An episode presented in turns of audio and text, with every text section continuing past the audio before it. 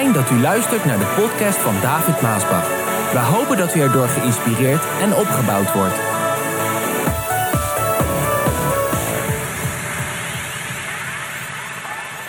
Wat is goddelijke genezing? Wat is goddelijke genezing? En we lezen uit het schriftwoord van God, de Bijbel, Exodus 15, vers 26. Luister wat er staat. Als u naar de stem van de Heere, uw God, luistert en hem gehoorzaamt en doet wat recht is in zijn ogen, zal ik u niet laten lijden onder de straffen die ik de Egyptenaren heb gegeven. Luister wat er staat. Want God zegt, ik, de Heere, ben uw heelmeester. God zegt vandaag, ik, de Heere, ben jouw heelmeester. Nou, wat is goddelijke genezing? Het antwoord is niet zo moeilijk als dat het lijkt. Goddelijke genezing is genezing die in dezelfde aard ligt als de genezingen die plaatsvonden in de dagen toen de Heer Jezus Christus, Jezus van Nazareth, hier op aarde wandelde en vele mensen genas van allerlei soorten van ziekten.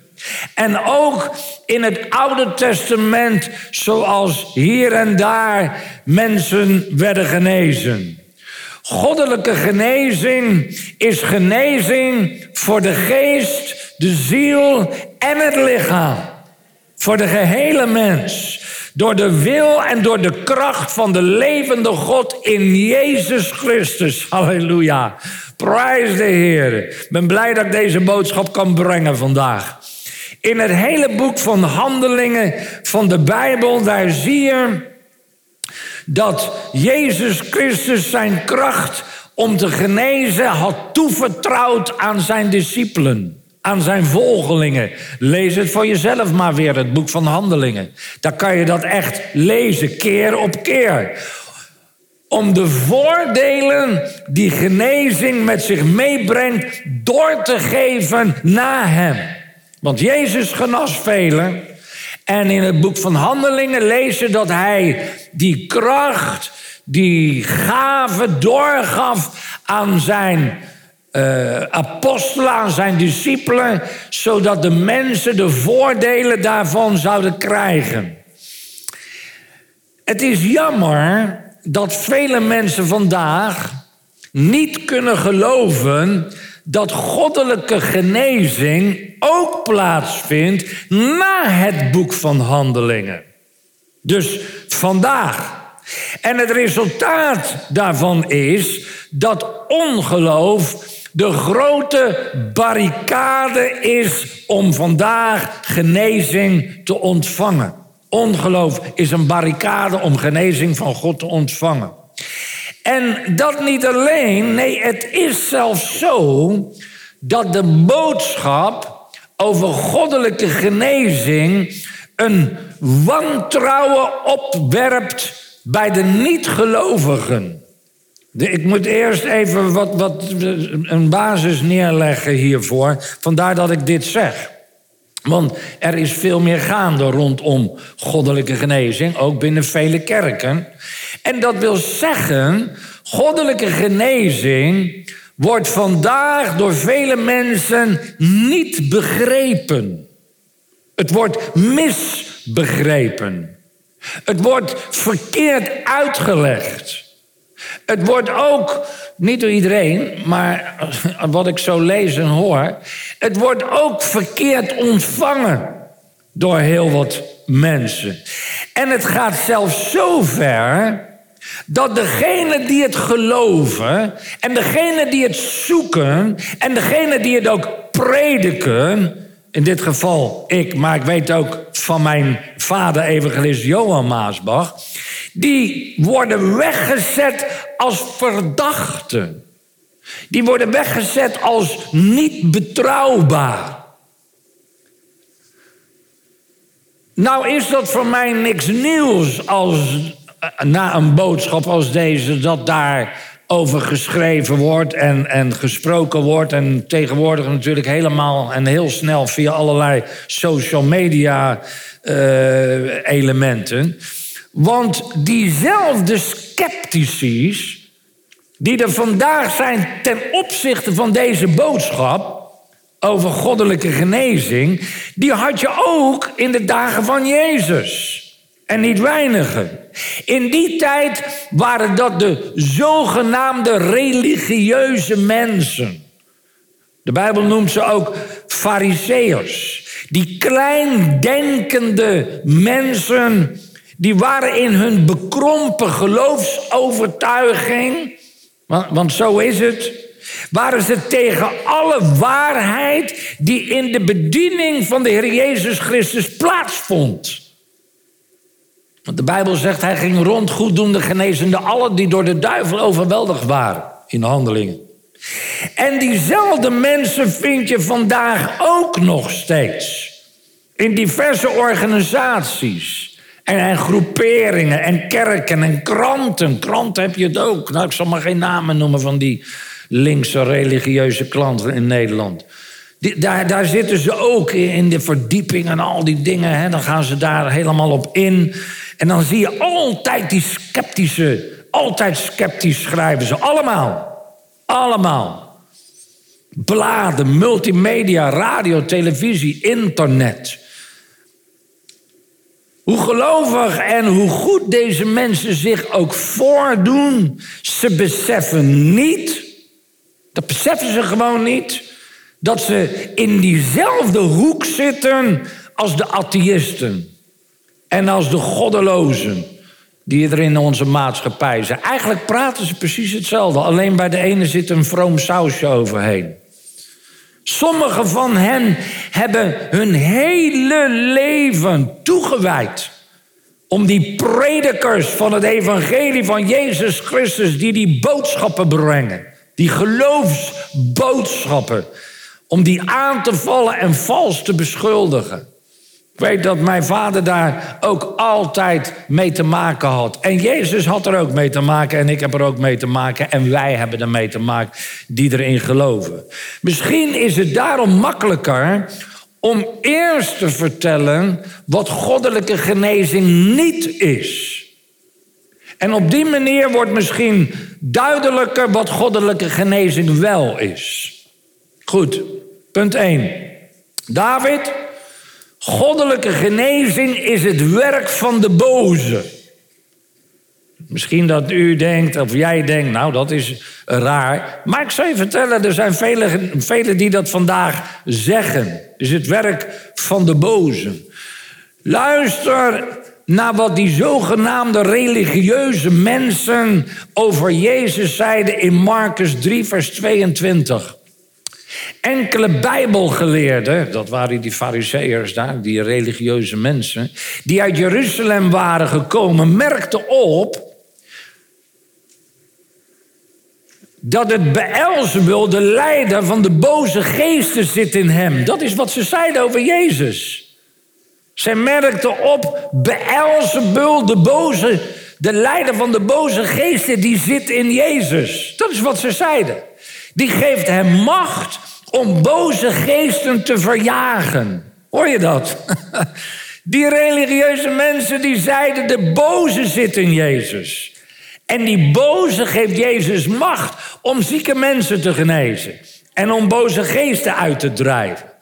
Lieve mensen, onderzoek de Bijbel. Lees het zelf. En vertel mij, waar staat het dat de boze zijn slachtoffers geneest. Waar staat dat? Je zal het nergens vinden. Jezus zegt over de boze, hij is gekomen om te slachten, te stelen en te vernietigen. Dat is wat Jezus zegt over de boze. Wat de boze doet, is wat hij bij Job deed. We lezen in Job 2, vers 7. Satan verliet de Heer en trof Job met vreselijke sferen. Van top tot teen zat hij onder. Dat is wat Satan doet. Dat is wat de boze doet. Wie heeft de boze ooit genezen? Wie? Laat je daarom niet misleiden dat de boze ooit iemand heeft genezen en opricht van zijn of haar ziekbed.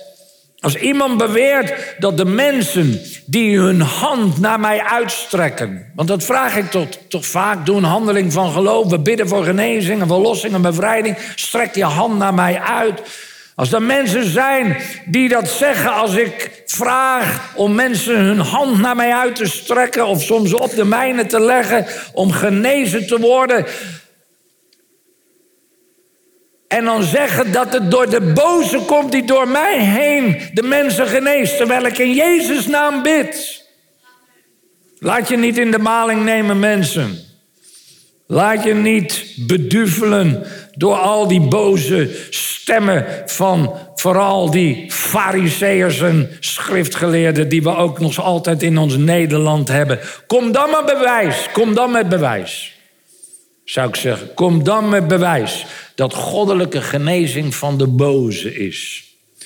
Twee, David, goddelijke genezing is een goede business. en het is iets van jouzelf allemaal termen die bij mij bekend zijn. En misschien heb je het zelf ook wel gelezen of gehoord. Lieve mensen, ik, David Maasbach, kan niemand genezen. Hoor je dit? Ik, David Maasbach, kan niemand genezen. Net zo min dat ik roem, eer en faam zou ontvangen wanneer mensen vergeven worden van hun zonde, zal ik roem, eer en faam ontvangen als iemand genezen wordt in de naam van Jezus Christus. Ook de apostel Petrus. Er staat zelfs van hem geschreven dat als zijn schaduw op de zieken viel, dan werden zij genezen. Zoek het maar op. Hij beweerde dat hij geen kracht had om mensen te genezen. Dat is wat Petrus zei. Hij gaf alle eer aan Jezus Christus. En dat was een volgeling van Jezus, Petrus. Een hele bekende. Dit is wat ik lees in Handelingen 3, vers 7. Hij pakte hem, Petrus pakte hem bij de rechterhand en trok hem overeind.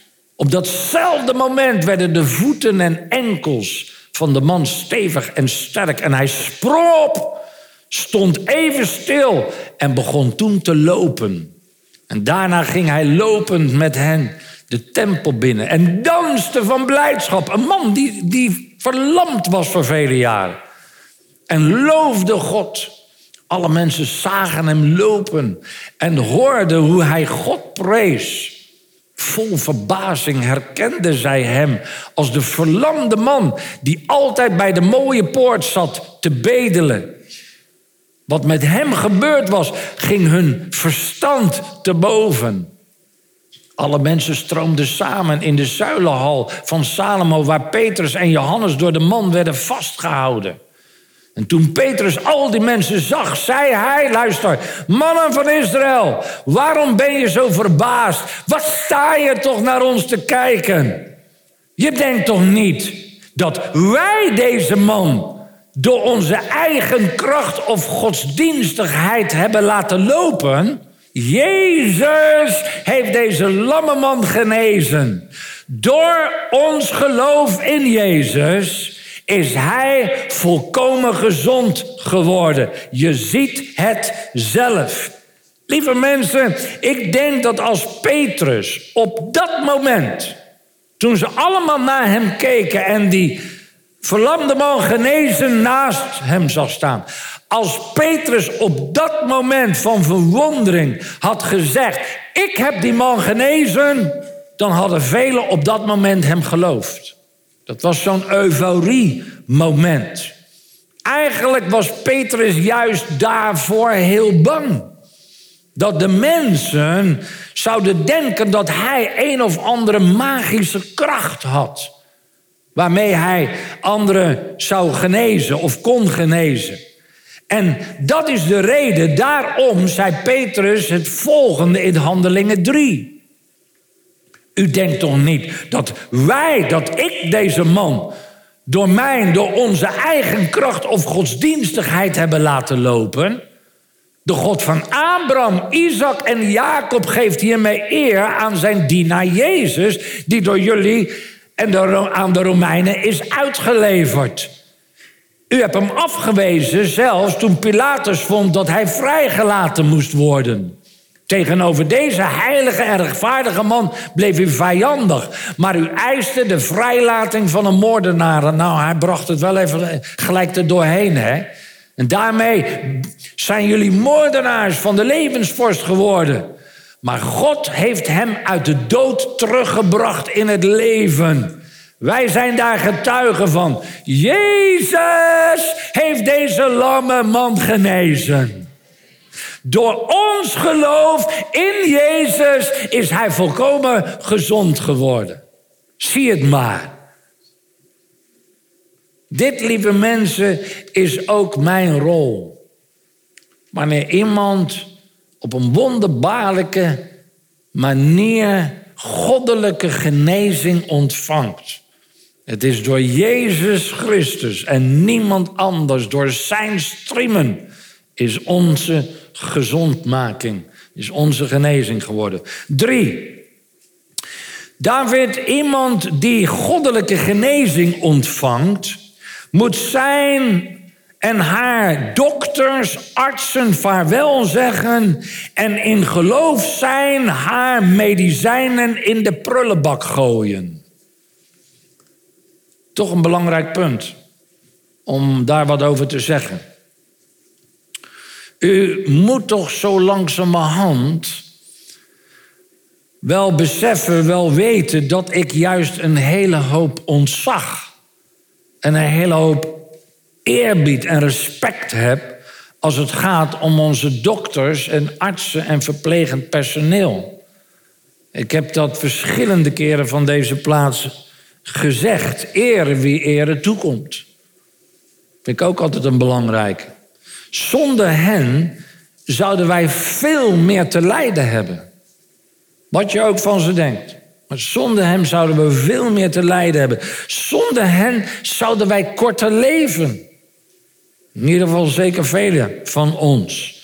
Wij zijn hen juist veel dank verschuldigd. De dokters en de artsen en de verplegers, verplegend personeel. Ja, maar David, er worden wel fouten gemaakt hoor. Ja, natuurlijk worden er fouten gemaakt. Dat zal ik zeker niet ontkennen. Ik wou, wou zeggen niemand ontkennen, maar ik weet niet of dat waar is. Maar ik in ieder geval niet. Er worden fouten gemaakt.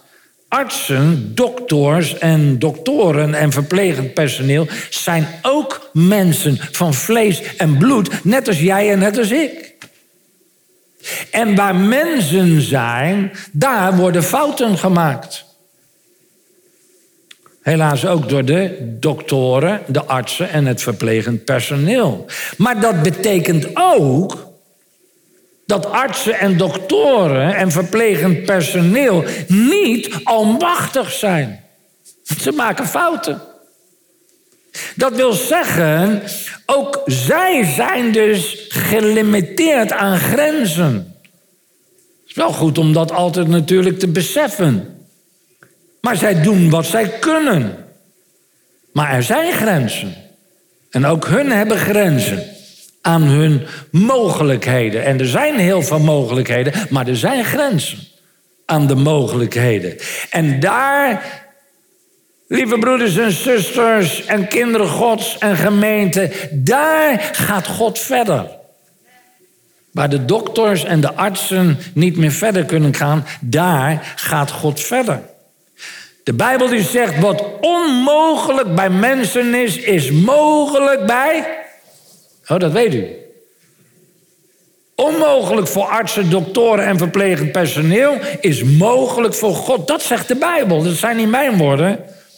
Dat zegt God in zijn woord. Dat wil zeggen, het geheim van ongeneeslijk zieke mensen is misschien voor artsen, doktoren en verplegend personeel is onmogelijk. Dus, dus je, je wordt geconfronteerd met een, een, een, een dodelijke ziekte, een, een onmogelijk genezen te genezen ziekte, maar bij de levende God is er altijd hoop. Prijs de Heer. Heerlijk, heb ik zelf ook ondervonden. David die zegt in 1 Kronieken 29 vers 12 het volgende. Hij zegt rijkdom en eer komt van u alleen en u bent de heerser over de hele aarde. Uw hand heeft de macht en de kracht om op uw bevel worden mensen groot en ontvangen zij kracht. Op het bevel van God. In Gods hand ligt macht en ligt kracht om mensen te genezen.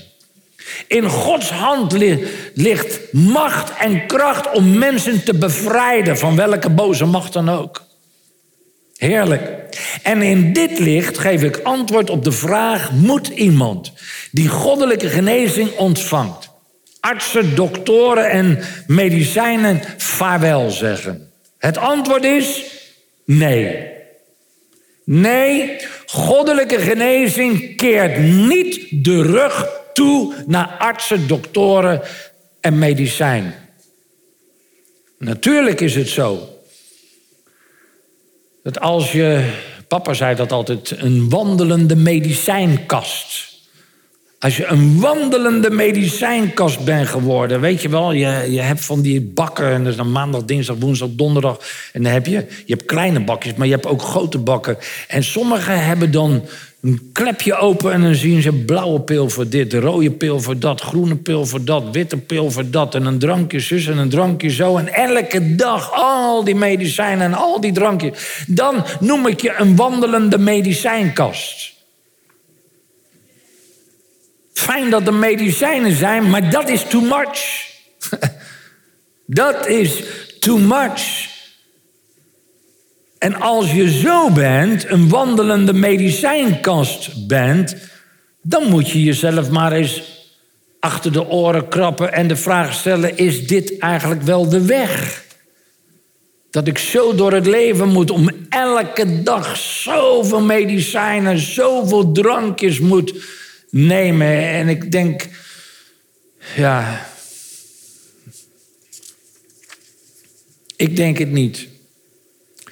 Maar vergeet nooit bij dit alles, het hele onderwerp, welk instrument God ook gebruikt om jou te genezen, de woorden van Petrus. Jezus heeft deze lamme man genezen. Door ons geloof in Jezus werd hij volkomen gezond. Van het gebeurt is even een, eh, een kanttekeningetje. Nou, misschien zelfs vaak is het zo dat door de ziekte ons lichaam even uit balans komt. je, je, je, je krijgt de ziekte onder je leden en dan is je lichaam uit balans. En met de hulp van wat medicijnen kan dat je lichaam weer snel in balans brengen. Het is maar een beetje hoe je er tegenaan kijkt natuurlijk. Uh, tegen de medicijnen. Of de doktoren, de artsen, die doen hun best om dat lichaam weer even in balans te brengen. En, en, en vaak lukt dat dan ook. Ik, ik, ik zeg wel eens meer, als iemand dan bij me is gekomen, kan moeilijk naar het toilet broeder David kan moeilijk plassen, maar ik heb een plaspeel gekregen van... Ja, klinkt raar, maar het is, je zal er maar mee zitten. Hè? Ik heb een plaspeel gekregen van de dokter en daar heb ik verder nergens last van. En dan denk ik bij mezelf, nou, prijs de Heer. Als die plaspeel alles oplost, dan is het opgelost. Dank de Heer er maar voor. En zo heb je verschillende dingetjes. Ja, broeder David, ik slik elke morgen één klein pilletje voor de hoge bloeddruk. En daarmee is het goed. Nou, als dat ene kleine pilletje de hele, het hele lichaam in balans houdt... dan zou ik zeggen, wees dankbaar, dank de Heer voor dat ene pilletje. Ik weet dat er natuurlijk ook mensen zijn die, die dan zeggen: nee, helemaal, helemaal niks, niks, niks. Nou, dan heb je hoge bloeddruk. Ja, maar ik vertrouw dat de Heer me geneest. Ja, maar zolang je nog niet genezen bent, is dat pilletje wel een uitkomst.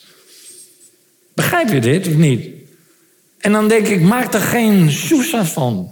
Maak er geen moeilijk ding van. Slik dat ene plaspilletje. Slik dat ene bloeddruk pilletje. En geloof daarbij dat de Heer je zal aanraken.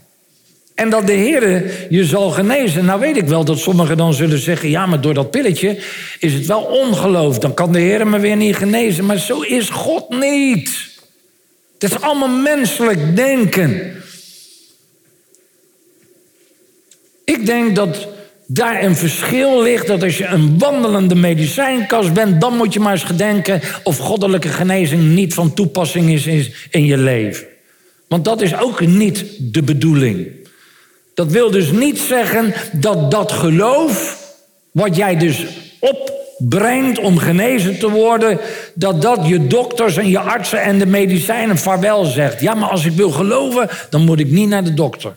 Dan moet ik al mijn medicijnen weggooien, want daarmee laat ik zien dat ik geloof. Lieve mensen, God ziet in het hart of je gelooft of niet. Ja.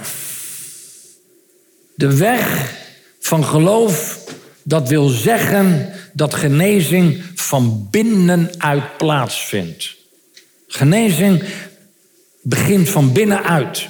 Nog voordat het van buiten zichtbaar is. Zo werkte het ook met die verlamde man.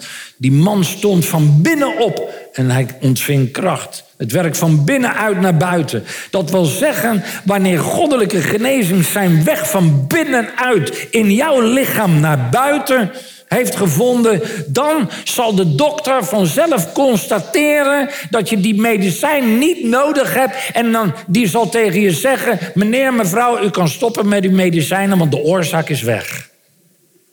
Zo simpel werkt het eigenlijk. De sleutel hiervoor vind je in de woorden van Jezus in Marcus 11. Jezus zei: Wat je in gebed ook vraagt, je krijgt het als je gelooft dat je het al ontvangen hebt. Gebeurt van binnenuit naar buiten. En dan ga je gewoon weer naar je arts zoals je gewoon bent. En die zal constateren dat je genezen bent. Ja, maar broeder ik ga niet naar de arts toe hoor. Want stel je voor dat hij zegt dat ik. En dan zijn ze bang om naar de arts te gaan om te horen dat ze genezen zijn. Of ze zijn bang dat ze nog niet genezen zijn en dan horen dat het geloof nog niet gewerkt heeft. Ja, er zit aan alles een kant natuurlijk. Oh, tot slot. Wat is goddelijke genezing dan wel? Goddelijke genezing wil zeggen, het komt van de levende God. Genezing wil zeggen gezond maken. En gezond maken komt van het woord helen. Dat wil zeggen, iets wat kapot is, heel maken. En als je die twee dan bij elkaar brengt, één, het komt van God, en twee, heel maken, dan heb je goddelijke genezing. Zo eenvoudig is de analyse daarvan. Nou, wat kost goddelijke genezing? Als je praat over geld, dan is goddelijke genezing niet in geld uit te drukken. Het is onbetaalbaar. Petrus zegt in Handelingen 8, vers 20: Uw geld zal u te gronden richten, antwoordde Petrus. Wat God geeft is niet te koop. Wat God geeft is niet te koop. Vergeving van zonde is niet te koop. Gods genezing is niet te koop. En wat ben ik blij daarvoor? En geen onderscheid daarin waardoor rijke mensen hun genezing zouden kunnen kopen. Geen zins. Rijke mensen kunnen ook geen vergeving van zonde kopen. Het is niet te koop. Redding en genezing is een gift van God. Redding en genezing is een beloning van God. Dat wil zeggen, je krijgt het voor niks. Helemaal voor niks. Maar je moet het wel verdienen. Denk daarover na. Je moet het wel verdienen. Niet door werken. Niet door iets goeds te doen, want dat is weer binnen, vooral binnen de traditionele kerken, dat je goede werken kan doen om bepaalde dingen te verdienen. Nee, lieve mensen, het is niet te verdienen met goede werken of iets goeds te doen en niet met geld, maar wel door geloof. Geloof is een sleutel om te ontvangen. En dit is voor zoveel mensen zo moeilijk te begrijpen, vooral religieuze mensen. Zo moeilijk te begrijpen. In het dagelijks leven word je alleen maar beloond door iets te doen. Dat is heel normaal. Je werkt en dan krijg je geld. Door iets te doen verdien je het. En ze kunnen gewoon niet geloven dat je voor die grote beloning van genezing, dat je daar niks voor hoeft te doen. Dat is voor heel wat mensen moeilijk om aan te nemen. Petrus zei, door ons geloof in Jezus is hij volkomen gezond gemaakt. Door ons geloof in Jezus is die man volkomen gezond gemaakt. En dit is het punt wat telkens weer terugkeert bij goddelijke genezing. Dit is ook nooit veranderd. Als iemand genezen werd, zei Jezus elke keer weer: Uw geloof heeft u gezond gemaakt. Lees het zelf maar in je Bijbel. Uw geloof heeft u gezond gemaakt. Nou, tot slot, is goddelijke genezing ook voor vandaag? Jezus Christus van Nazareth heeft tijdens zijn leven hier op aarde heel veel mensen genezen. Van allerlei ziekten en kwalen. En het is diezelfde Jezus Christus die opgestaan is uit de dood. En naar de Vader is gegaan. Diezelfde Jezus Christus geneest vandaag ook. Hij is niet veranderd. Het is door zijn wil, het is door zijn kracht, dat je door de handen van de apostelen, als ik het zo mag zeggen, genezing van ziekte mag ontvangen. Zo was het in het hele boek van Handelingen. En God kan ook gewoon bam gelijk ineens daar genezen als je thuis zit, in de gevangenis zit of op je stoel zit. Er komen niet eens handen bij te pas. Maar wel boodschappers die deze boodschap moeten prediken. Zodat de mensen het weten zodat de mensen kunnen geloven in het woord van God, waar God spreekt over deze dingen. Het is door de belofte van Jezus dat goddelijke genezing ook voor vandaag, ook door de handen van de apostelen van zijn dienstknechten heen, tot de mensen komt. Om de mensen te genezen van allerlei ziekten en kwalen. En dit is wat Jezus heeft gezegd en beloofd. In Marcus Trek de wereld in, zei hij, zei Jezus tegen hen. En vertel aan de hele schepping het goede nieuws over mij. De mensen die het geloven zullen hieraan te herkennen zijn. Ze zullen in mijn naam boze geesten verjagen. Dus dit mag ik doen. Ze zullen in nieuwe talen spreken. De leerlingen trokken erop uit om overal het geweldige nieuws te vertellen. En de Heer werkte met hen mee. Hij zette hun woorden kracht bij door er wonderen op te laten volgen. Lieve mensen, Jezus Christus is niet veranderd. Ik weet dat velen daar amen op kunnen zeggen, willen zeggen en zeggen. Hij is vandaag onze redder. Prijs Heer, maar hij is ook onze heelmeester. Hij is ook onze heelmeester. En als je dit gelooft en je hebt die goddelijke genezing nodig, lieve mensen, laten we dan die handeling doen die we zo gewoon zijn, maar velen nog niet. Door je hand uit te strekken. Laten we een punt van contact maken. Doe het in geloof. En dan ga ik bidden in de naam van de Heer Jezus Christus. Wat jouw ziekte of kwaal ook is. Geloof het woord van God vandaag dat Jezus ook jouw heelmeester is. Jouw persoonlijke heelmeester. Die jou lief heeft. Die van jou houdt. Die voor jou gestorven is aan het kruis van Golgotha. Om al je zonden weg te nemen.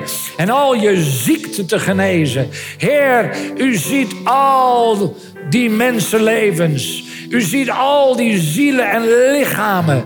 Heer, u ziet ook alle ziekte. En u kent het hart, u ziet het geloof. En zo, op grond van uw woord, doen wij een handeling van geloof en wij strekken ons uit. Oh, halleluja. God almachtig, God van Abraham, Isaac en Jacob. Laat de doorboorde hand van Jezus en ieder nu aanraken, Heer. Ik beveel elke macht van Satan om te verdwijnen. Elke boze geest In de naam van Jezus, ga naar de plaats waar je vandaan komt en waar je hoort. O Heer, laat uw genezende kracht stromen naar een ieder wiens hart volkomen naar u uitgaat, Heer. O God, van welke ziekte dan ook. Laat er vandaag bewijs zijn. Doordat u mensen geneest. Doordat u wonderen en tekenen doet zoals u beloofd hebt, Heer. Vader, u bent geen man dat u liegen kan. Uw woord en belofte zijn ja en amen in Christus Jezus, uw Zoon. Die stierf op Golgotha. En door zijn striemen is ook ons genezing geworden. Vader, terwijl de hemel zo van koper lijkt in onze dagen, u bent niet veranderd. U houdt van ons, Heer. U houdt van een ieder, Heer. U wil niet dat ze verloren zullen gaan. Zoals hier mensen zijn. En je leven is niet zoals het zijn moet. je hebt vergeving van zonde nodig. Leg dan ook je hand op je hart. En dan geloven we ook weer in vergeving. Je kan Gods kind worden door dit te doen en door te zeggen: Vader. Oh God in de hemel, vergeef mij al mijn zonden. Reinig mijn hart, reinig mijn geest, reinig mijn gedachten. Reinig mijn hele wezen van alle zondevlekken. Witter dan de sneeuw. En vergeef mij. Ik heb berouw van mijn zonden. Reinig mij. Vergeef mij. En neem mij aan als uw kind, Heer. Het gaat vandaag een nieuwe dag zijn. Een nieuw begin, Heer. Die ik met u maak en die u met mij maakt. Samen, Heer. Ik wil u volgen, dienen en gehoorzamen. En zo willen we u ook danken, Heer. Dat we vergeving hebben ontvangen van al onze zonden. En ook genezing van al onze krankheden. En we willen u daarvoor de lof en de dank geven en zeggen. En wij vragen u vandaag ook, Heer, bouw uw kerk. Bouw uw gemeente. Heer, laat uw kerk vandaag zo helder schijnen in de duisternis. Met de waarheid van de boodschap van uw woord dat u niet veranderd bent. Dat u de heelmeester bent. En de verlosser en de zaligmaker en de redder van de wereld. Oh Heer, wij willen luisteren naar uw woord. En we willen ons vasthouden aan uw belofte. U bent niet veranderd. U bent de heelmeester. En u bent de redder. Ja, u bent mijn heelmeester en u bent mijn redder. Halleluja. U hebt mijn naam geschreven in het boek des levens. Halleluja, halleluja. Waardoor ik niet bang hoef te zijn van alles wat komen gaat over deze wereld. Wat voor epidemieën er ook rond zullen waren. Ik zal niet bang zijn. Ik zal niet vrezen. Ik zal vertrouwen op de Heere mijn God. Want wie in de schaalplaats des Allerhoogst is gezeten vannacht in de schaduw van de Almachtige God. En daarnaast ben ik zo dankbaar, Heer, dat u al die doktoren en artsen en verplegend personeel heeft gegeven, waardoor wij juist verlicht worden van onze aanvallende krankheden die er rond waren in de wereld. Willen we u vertrouwen, Heer, dat u ons er doorheen brengt. Wij vragen ook uw kracht en uw sterkte voor al deze mensen die in de afgelopen tijden zo hard hebben gewerkt. Och, Heer, blijf toch alstublieft Nederland zegenen. Blijf zegenen en doe niet naar onze fouten en vooral niet naar de goddeloze dingen, Heer. O God, wees ons land genadig. En denk aan uw kinderen. Voorzie in alle noden die er zijn, Heer, naar uw grote rijkdom. En ik dank u wel, Heer, dat we mogen vertrouwen dat u uw kerk bouwt. En dat er een new gen generation op zal staan. Die deze boodschap durft te prediken. Dat God nog altijd de grote heelmeester is. En dat er vergeving is van alle zonden. Halleluja. Dank u wel. Bescherm de gemeente, Heer. Bescherm uw kinderen voor alle gevaren. En heren, ik breng u in gedachten dat u geen van de krankheden van Egypte op ons zal leggen. Dat heb u beloofd. Daar houden we ons aan vast. Dank u wel, Heer. In Jezus' naam. Amen.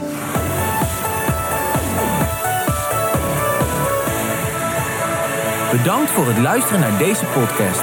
Wilt u meer preken beluisteren? Ga dan naar message.maasbachradio.com.